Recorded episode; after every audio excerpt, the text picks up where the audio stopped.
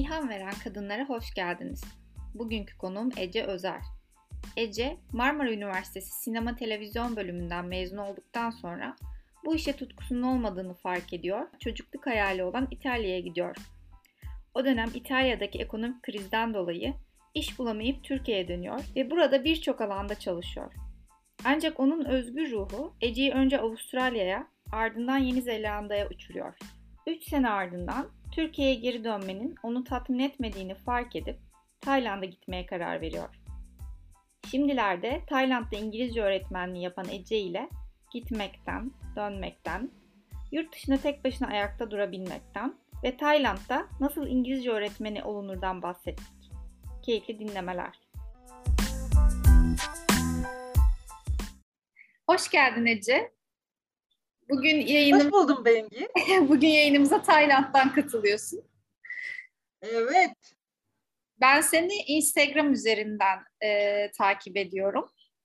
Ve işte Tayland'da yaşadığın ve İngilizce öğretmenliği yaptığın için de ekstra Tayland'a düşkünlüğümden dolayı ilgim de var. Ama e, seni tanımıyorum tam olarak. Burada dinleyenler de bilmiyor tabii ki. Biraz anlatır mısın? Tayland'dan önce ne yapıyordun? Neden mezun oldun? Nasıl bir hayatın vardı? Anlatayım biraz olaylı aslında Tayland öncesi. Yani şu anda geçtiğimiz 10 yılda yaşadığım en sakin hayatı yaşıyorum diyebilirim.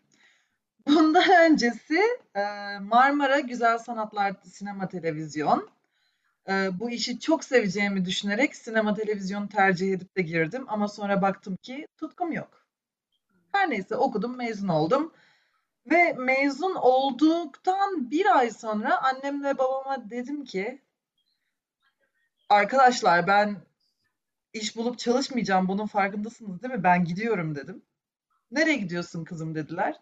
Ben İtalya'ya gidiyorum dedim. Çünkü çocukluk hayalimdi İtalya. İlkokuldan beri İtalya, İtalya, odamda İtalyan bayrağı falan.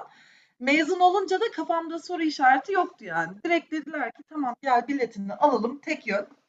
Git sen bir git. İlk bununla başladı olaylar.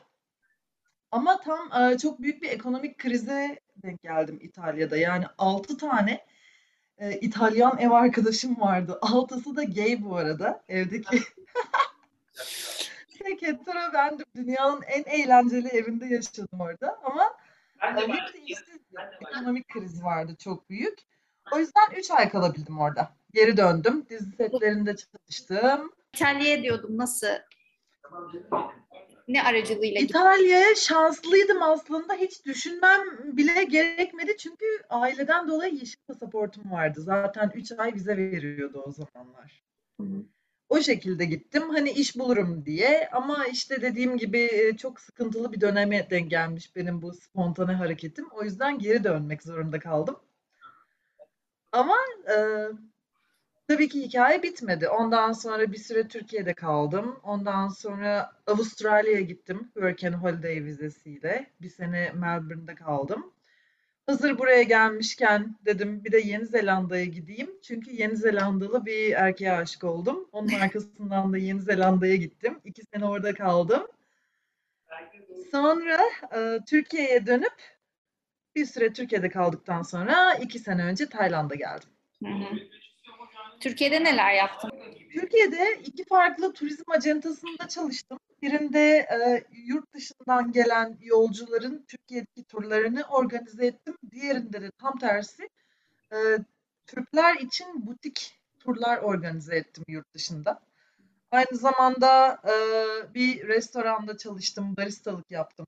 Kafamın attığı dönemler, hani ben ciddi iş yapmak istemiyorum, özgür olacağım diye. Gittim bir sene baristalık yaptım Varuna Gezgin'de. Ee, bir de dizi seti de çalıştım. Aynı zamanda Kaft e, tişört markası var ya bildiğimiz Kaft'ta da e, yurt dışındaki müşteriler için e, müşteri ilişkileri uzmanı olarak çalıştım. Gerçekten hiç durmamışsın. Yani inanılmaz. Gerçekten ta- peki Tayland sana yavaşlamayı öğretti mi bu noktada? Çünkü öyle bir enerjisi var oranın. Sorma, sorma diyorum. Hani bunu çok mutlulukla söylemiyorum çünkü bu kadar yavaşlayacağımı hayatım boyunca düşünmezdim. Biraz Tayland öğretti aslında ama burada yaşadığım şehirle alakalı. O kadar sakin bir yerdeyim ki emekli şehri gibi. Her şey tek düze, her gün aynı şeyler yaşanıyor, aynı insanları görüyorum ve hani böyle içimi kıpır kıpır yapan bir hareket yok şehirde. Hmm. Hani böyle otomatikman sakinleştim. O insanların sakinliği, yaşadığım şehirdeki sakinlik beni de sakin bir insan yaptı ama e, güzel Nereye şu an. kadar diyorsun? Nereye? Tabii ki nereye kadar? Hareket lazım. Lazım. Türkiye'ye döndüğünde Tayland'da nasıl? Yani şu an İngilizce öğretmenliği yapıyorsun Tayland'da değil mi? Evet. Nasıl yani ne seni Tayland'a yönlendirdi? Hani ben İngilizce öğretmeni olayım da gideyim diye nasıl bir karardı bu? Nereden geldi bu ilham? Aslında şöyle oldu. Ben e, Yeni Zelanda'dan Türkiye'ye dönerken moralim çok bozuktu. Hani böyle biz e, bizim gibi gezgin kadınlar hani gittik geldik yaptık ettik diyoruz ya aslında hani bu süreçte o kadar çok his yaşanıyor ki Evet. o kadar ağır duygular yaşanıyor ki bunları bahset bunlardan çok bahsedilmiyor sorulmadığı sürece. Yeni Zelanda'dan dönerken ben çok mutsuzdum. Çünkü dünyanın en ütopik ülkesinden e, bam diye Türkiye gerçeğinin içine düşmek beni çok korkutuyordu ve e, Yeni Zelanda'daki son iki ayımda bunalıma girdim. Sonra e, babam dedi ki, babam da çok sever, maceracıdır, kampçıdır, bisikletçidir, o da özgürlüğüne çok düşkün bir adamdır. Dedi ki, sen Yeni Zelanda'dan Tayland'a git, ben de buradan geleyim Tayland'da buluşalım, bir ay backpacking yapalım, motorla Tayland'ı gezelim. Sen de şöyle bir tatilini yap, Türkiye'ye beraber dönelim. Ay muazzam. Bunu yaptık. Babamla bir ay Ta- Tayland'ı gezdik. Yani Koh San Road'daki Happy Bar, orada e, reggae barda oturup bakıtlar içtik tanımadığımız insanlarla. Bir sürü abuk subuk yerlerde takıldık, insanlarla tanıştık falan. Bu süreçte bir sürü insanla tanıştım. Mahallenin muhtarı gibiyim çünkü herkesle sohbet etmek istiyorum farklı bir yerdeyken. O zaman bir sürü öğretmenle tanıştım. Ya herkes öğretmenim diyor. Her sorduğum öğretmenim diyor. Aa dedim nasıl oluyor bu? Ee, bütün gerekli olan e, özellikleri söylediler. Baktım çok basit. O zaman ben de Tayland'da öğretmen olurum diye zaten kafama yazmıştım o gezi süresinde. Türkiye'ye döndüm. Orada mutsuz oldum ve tam kafama yazmış olduğum gibi Tayland'da öğretmen olarak geri döndüm. Türkiye dönüş sürecini daha derinlemesine konuşmak istiyorum açıkçası senin ama şeyi belki dinleyenlere yol gösterir diye şunu da sormak istiyorum öncesinden. Ee, başvuru süreci nasıl oluyor okullara? Nelere dikkat etmeleri gerekiyor? Çok kolay. Gerçekten hani İngilizcesi olan, e, çocuklarla arası iyi olan herkesin yapabileceği bir şey. Sadece en önemli şartları Tayland standartlarına göre 4 yıllık e, üniversite diploması sahibi olmak.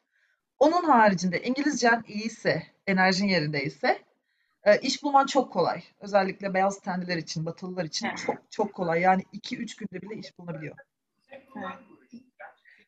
Şöyle söyleyeyim daha çok merak edenler olur diye. Burada ajanslar var. E, bu ajanslar internet üzerinden bulunabiliyor ve onlara CV gönderiliyor. Bu ajanslar e, hiçbir şekilde e, okullarla iş görüşmesi yapmaya gerek olmadan başvuran adayları okullara yerleştiriyorlar. Ama her ay bir komisyon karşılığında. Yani tak diye seni bir okula atıyor ajans, öğretmen olarak başlıyorsun. Ee, Ama ajanslar oldukça para kesiyor diyebiliyorum ben. Çok fazla yer maaşından. Kesiyor. Şöyle söyleyeyim. Maaşın e, 16'da birini kesiyor Hmm. oran olarak. Hı hı. Şey de e, ben Kore'deyken işte Tayland'da ben de bir süre öğretmenlik yapmıştım. Kore'deyken başvurdum. Aynen Evet. Kore'deyken başvurdum ve şey o beyaz tenlilik olayını biraz açmak istiyorum. Beni şaşırtan bir durumdu gerçekten. Bir sürü CV yazdım işte şöyle yaptım işte şu okuldan mezun oldum bilmem ne falan. Görüşme yapıyoruz adam şey diyor hmm, işte ya killed falan filan diyor hani ya da kadın fark etmez hani. Ne alakası var hani e, bir te- şeyden mülakattan geçme şeyi olarak bunu öne sürmeleri ilginç gelmişti. Yani çünkü şey beyaz tenlilik senin e, oradaki geçiş bileti ilginç bir şekilde. Güzelliğinin işareti bir yerde. Hani beyaz tenliysen okey evet ona Okey. benzer bir durum burada da var ya. Ama Kore'de daha fazlaymış diye duydum. Or- Oo. oradan buraya gelenlerde. Oo, yani orada da ben mesela işte 3 ay yaşadım. Orada daha fazla. Orada birazcık hani bu mükemmelliyetçilik zorluyor. Güneydoğu Asya birazcık daha bu konuda belki rahat. Ama orada zorunlu tutuyorlar yani seni buna maalesef. Üzücü aslında yani evet. Türkiye'ye döndün. Biraz dönmeklerden bahsedelim. Yani evet bir şekilde bir cesaretle gidiyoruz. Ama gittikten sonra yani uçağa bindiğin insanla uçaktan inen insan aynısı olmuyor. Hiçbir zaman. Bana burada kafa Evet. sallıyorsun. Hiçbir zaman olmuyor. Ve sen dön, döndüğünde ülkeye karşı bir kadın olarak nasıl hissettin? Dönmenin bende iki farklı kategorisi var. Çünkü bu hisler birbirinden çok farklı hisler ve hepsini aynı anda yaşıyorum her dönüşümde. Biri ailenin ve arkadaşlarının o sevgi dolu kucağına geri dönmek, ev hissi. Bu en tatlı yanı. Ama diğeri e, ekonomik olarak toplumun yüzde doksanını zorlayan bir ülkede, insanların ruh sağlığının yerinde olmadığı bir ülkede e, bir şekilde var olmaya çalışma mücadelesi vermek zorunda olmak. Evet. Çok tam zor. Gerçekten çok zor. Yani Yani şey, bu kadar uzun süre uzaklaştıktan sonra Türkiye'den geri döndüğünde insanların gerçek anlamda mutsuz olduğunu görüyorsun. Yani e, evet işte Güneydoğu Asya özellikle Tayland gülümseyenlerin ülkesi vesaire diyoruz. E, ancak hani bu bir zorunluluk değil. Hani alım güçlerinden ötürü e, minimal bir şekilde yaşasalar bile bir alım güçleri var sonuçta oradaki insanların. Hani bu rahatlığı görüp buradaki insanların mutsuzluğu hani karşılaştırma imkanı oluyor çünkü seni daha çok mutsuz ediyor. Muhtemelen. Evet, buradaki insanlar e, toplumun büyük çoğunluğu burada her gün pilav yiyerek mutlu olabilir. Mesela. Günde üç öğün pilav yiyorlar yine de bana mısın demiyorlar. Hani pilavı olsun akşam şöyle bir şişe birasını alabilsin. 2-3 arkadaşıyla sokak kenarında bir masada otursun bu adamlar mutlu. Ama e, bizim içinde bulunduğumuz, yaşadığımız toplum, Türk toplumu e, sürekli tüketmeye odaklanmış. Sürekli daha fazlası, daha fazlası, daha fazlası ve hiçbir zaman mutlu olamıyoruz. Yani bu da var ekonominin yanında. Ya seyahat eden insanlarda da bunu gözlemliyorum mesela. Ee, şey diyordum ya pilav güzel ya ben sürekli pilav yerim güzel bence.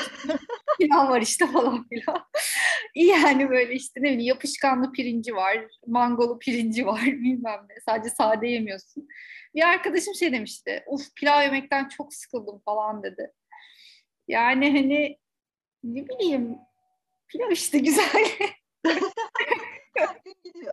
Yenir yani hani mutlu olmak iste- istediğin sürece e, mutlu olunan bir ülkede bile mutsuz oluyorsa o insanın sıkıntısı ama Türkiye maalesef seni bunun e, içerisine çekiyor.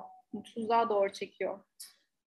Evet, biraz onu fark ettim. Aslında hani şu anda e, yaşadığımız dönemde mindfulness, anda olmak, işte mutluluk tamamen zihnindedir gibi gibi şeyler konuşuluyor ve bunlara inanıyoruz. Ama şimdi şöyle bir gerçek de var.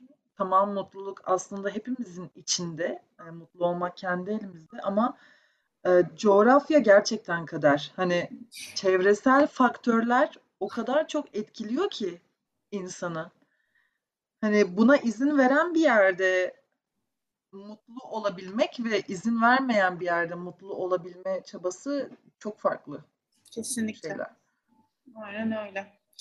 Sen e, kaç yaşındaydın ilk e, İtalya'ya gittiğinde?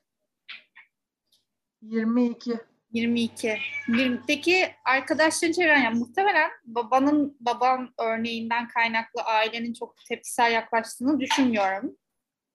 Ee, bana bu da öyle gözüküyor ama e, peki arkadaşların ya da arkadaşların dışındaki dış çember nasıl tepki verdi? Hem İtalya'ya gittiğinde hem tekrar Avustralya'ya gittiğinde gitmeye karar verdiğinde bir yerlere. Bunu e, bizim ülkemizdekilerden bahsediyorsun değil mi? Orada Evet, hayatımızda tabii ki evet. insanlar. Şöyle, e, aile, arkadaşlar e, karakteri tanıdığı için biraz daha kabul edebiliyor. Ama e, farklı insanlara bunları anlattığımda işte onu yaptım, bunu yaptım, şu kadar iş değiştirdim, işte orada olmadı, buraya gittim, buradan oraya gittim falan anlattığımda insanlar bunu biraz şey olarak görüyorlar böyle hmm, tutunamamış. Değil mi? Bunu çok duyuyoruz. Evet. Yani neden olmuyor acaba falan diyenler oluyor. Hani ama bunu e, anlatmak gerçekten çok zor bir şey. Aslında oluyor. Ama rutin, rutin bizi öldürüyor. Bize sürekli bir heyecan, hareket, yenilik lazım. Yani yapacak o kadar çok şey, görecek o kadar çok yer varken neden hep aynı hayatı yaşayalım ki? Biz de bunu anlatamıyoruz işte. Evet, yani bir sorgulama kapısı bile açılmıyor bazen bazı insanlarda. Ya tabii ki de hani o bu hayatı bu şekilde yaşamak da mümkün. Ama biz bunun mümkünlüğünü kabul ederken karşı taraf bizim seyahat etme tutkumuzun mümkünlüğünü bir türlü Kabul edemiyor. Evet ama hani hani çok tesadüfi yerlerde tanıştığım insanlarla bu muhabbet açıldığında da şöyle oluyor. Şunu fark ediyorum aslında. Eee, toplumumuzda maalesef bu var. Ben yapamadığım için o da yapamasın. Hı hı, evet. Yapamazsın. Ya da gidip de ne yapacaksın orada? Hı. Çünkü gibi kafasında, yorumlarla da kafasında bir engel var.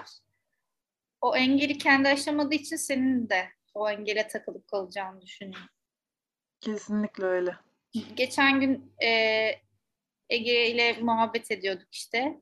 E, bu işte bir şeyleri aşma, yaratma süreciyle ilgili. Tamam. E, ve şey dedi, ya şu, şu sonuca vardık. Aslında sadece birey kendine duvar çiziyor.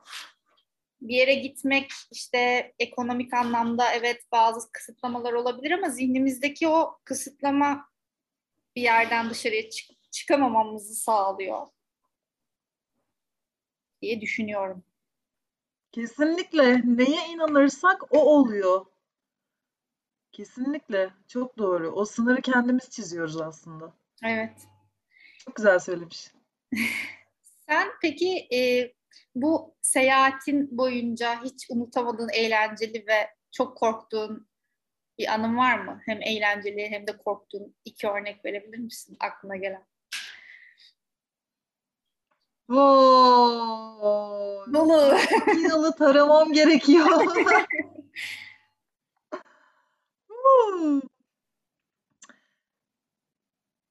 Yani aslında ilk anı olarak ilk aklıma gelen Kaosok'ta geçirdiğim zaman ne eğlenceliydi ne de korktuğum bir anda aslında. Bundan bahsedebilir miyim? Tabii ki. Orada çok bambaşka bir yerde buldum kendimi ve büyülendim içinde bulunduğum mekandan. Kaosok National Park var burada. Yağmur ormanının içinde bir bungalovda e, konaklamıştım. Beyaz cibinlikler, işte o kadar sessiz ki bungalovun içindeyken dışarıda ağaçtan düşen yaprağın yere düşme sesini duyuyordum. Müthiş bir hissiyattı benim için. Sabah bir kalkıyorum, nehrin karşı tarafında maymunlar dallardan dala atlıyorlar, nehre dalıyorlar, çıkıyorlar, tekrar ağaca tırmanıyorlar falan ama o orada o kadar sıradan bir şey ki ben kendimi böyle rüyanın içinde sanmıştım. Onu hiç unutamıyorum mesela. Şey ya böyle e, masal kitabında bir hikaye anlatıyormuşsun gibi. Çok evet. Bu şekilde e, yani hep bunu soruyorum. Ee, seyahat etmek isteyen ya da bu şekilde hayatını değiştirmek isteyen, bir şeylere başlamak isteyen birine ne demek isterdin? Yani işte ne bileyim şey diyor sana kafamda soru işaretleri var ya da yapamayacağımı düşünüyorum. Nereden başlasam bilemiyorum. Ben bu gibi durumlarda diyorum ki direkt düşünme, yap. yap. Direkt adım at. Çünkü adım at, sonra ne olacaksa zaten oluyor. Bir adım bile o kadar büyüyor ki insanların gözünde yapabileceği bir şey yapamayacağı bir şeye dönüşüyor.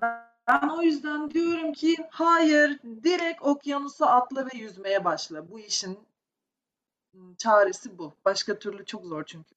Evet. Çok düşünecek bir şey yok. Ya öyle ya mesela bisiklet turuna turu yaptım işte Türkiye'de birkaç ay önce. Bisiklete dair bir kondisyonum ya da bir bilgim yoktu. Yani ben teker değiştirmekle bilmem yani hiç alakam yoktu. İşte burada en yakın arkadaşım hatta senle tanıştın Gökben'le. O bir o bisikletçidir. Yani bir şeyler yapmak istiyordum. Hani bu pandemi süreci beni çok boğmuştu ve dışarı çıkmaya ihtiyacım vardı. Ve Türkiye'de çok gezmediğimi fark ettim. İşte insanlar şey diyor, o Kapadokya'ya gitmedim mi falan diyor yurt, yurt dışındakiler. Bilmiyorum falan diyor ve çok üzücü gelmeye başladı. E, bisiklet olunca, sponsor kalınca hani direkt atladım ve yola çıktım. Hani ben bir tekeri değiştirmeyi bile yolda öğrendim. Yani bu şekilde... Korktun mu ilk başta? Yani korkmadım açıkçası. Sadece şeyden biraz çekindim. Acaba e, gücüm yetecek mi? Çünkü hiçbir fikrim yoktu. Bu kadar hani iki tekerin üstünde uzun bir yola gitmekle gitmeye dair bir fikrim yoktu. Ama isteyince o şevk geliyor. O motivasyon olduğu için tekerin bile patlasa o sana şey müthiş bir sorunmuş gibi gelmiyor. Çünkü bir şekilde çözeceğini biliyorsun. Sanırım önceden seyahat etmek de bana iyi geldi bu konuda. Çünkü işte rüzgarlı bir gece geçirsen de işte yağmurda da kalsan da ertesi sabah güneşli bir güne uyanıyorsun. O yüzden o bana güç verdi. Ya bir de şey de çok hoşuma gidiyor. Bunu yapabilen insanları görmek şey diyorum. Ya onlar yapıyorsa ben niye yapmayayım hani. Ben de yaparım ki falan motivasyonuyla. Evet. Aslında herkes yapabilir öyle değil mi? Evet, herkes her istediğini yapabilir. Yani dediğimiz gibi bu zihin engelini açtıktan sonra her şey olur. Tayland'dan evet. sonra ne yapmayı düşünüyorsun? Var mı aklında bir plan yoksa şu an için öyle yaşıyorum mu diyorsun? Pandemi sürecinde hepimizin yaptığı gibi. Yani evet pandemi sürecinde biraz mecbur kaldım burada kalmaya. Çünkü buradan sonra Çin ya da Vietnam düşünüyordum. Araştırmalarımı yapmıştım. Hani artık tamam Tayland yetti bu kadar. Ülke değiştirmenin zamanı geldi. Yeni bir macera ama bu ülkeler şu anda dışarıdan alım yapmıyorlar. Yani çok da sorun değil çünkü keyfim yerinde burada. Dört mevsim yaz, hani bazen gerçekten çok bunaltsa da dört mevsim yaz. Yani hafta sonu iki saatte deniz kenarındayım. Ve bunu sene boyunca yapabiliyorum. Müthiş bir şey. O yüzden evet. bir süre daha buralardayım. Peki neden Çin veya Vietnam? Çin çok açık olacağım. Ee, Çin'e karşı hiçbir ilgim yok. Yani bugüne kadar gitmek aklımın ucundan bile geçmedi turist olarak bile. Ama e, pandemi döneminde Tayland'a Çin'den gelen öğretmenler oradaki yaşam ve çalışma şartlarından bahsettiler. Bayağı ilgimi çekti. Çalışma şartları buradakinin 3-4 katı daha iyi ve e, yaşam şartları da aynı şekilde çok gelişmiş bir ülke, e, olanakları çok iyiymiş. Ben de o yüzden bir şans vermek istedim kendime. Hani bir kere de bir kere de e, mantıklı bir karar vereyim ya. Bak Çin'in olanakları iyiymiş. Bu sefer de mantıklı bir karar vereyim hayatımda ilk defa diye tam karar vermişken gidemedim. Çok teşekkür ederim programa katıldığın için. Umarım Ben teşekkür ederim. Heyecanlandım. Biraz çok konuşmuş olabilirim. Arkadaşlar kusura bakmayın. yok yok hayır ben her konuşmada heyecanlanıyorum zaten çok saçmaladığım kısımlar da oluyor. Ama umarım buradan dinleyenlere böyle bir e, güzel enerjini göndermişizdir diye umut ediyorum. Pozitif enerjini Tayland'dan. Umarım öyledir. Soruları olursa e, dinleyicilerin Tayland'da öğretmenlik yapmayı deneyimlemek isterlerse direkt bana Instagram'dan ulaşabilirler. Seve seve yardımcı olabildiğim kadar olurum. Keşke herkes gelse ve yapsa. Keşke, keşke herkes e, bir adım dışarı atabilse. Evet. Çok öpüyorum seni. Ben de seni çok mutlu oldum. Teşekkür Ben de. ederim beni de konuk ettiğin için. Görüşürüz. Görüşürüz Bengi.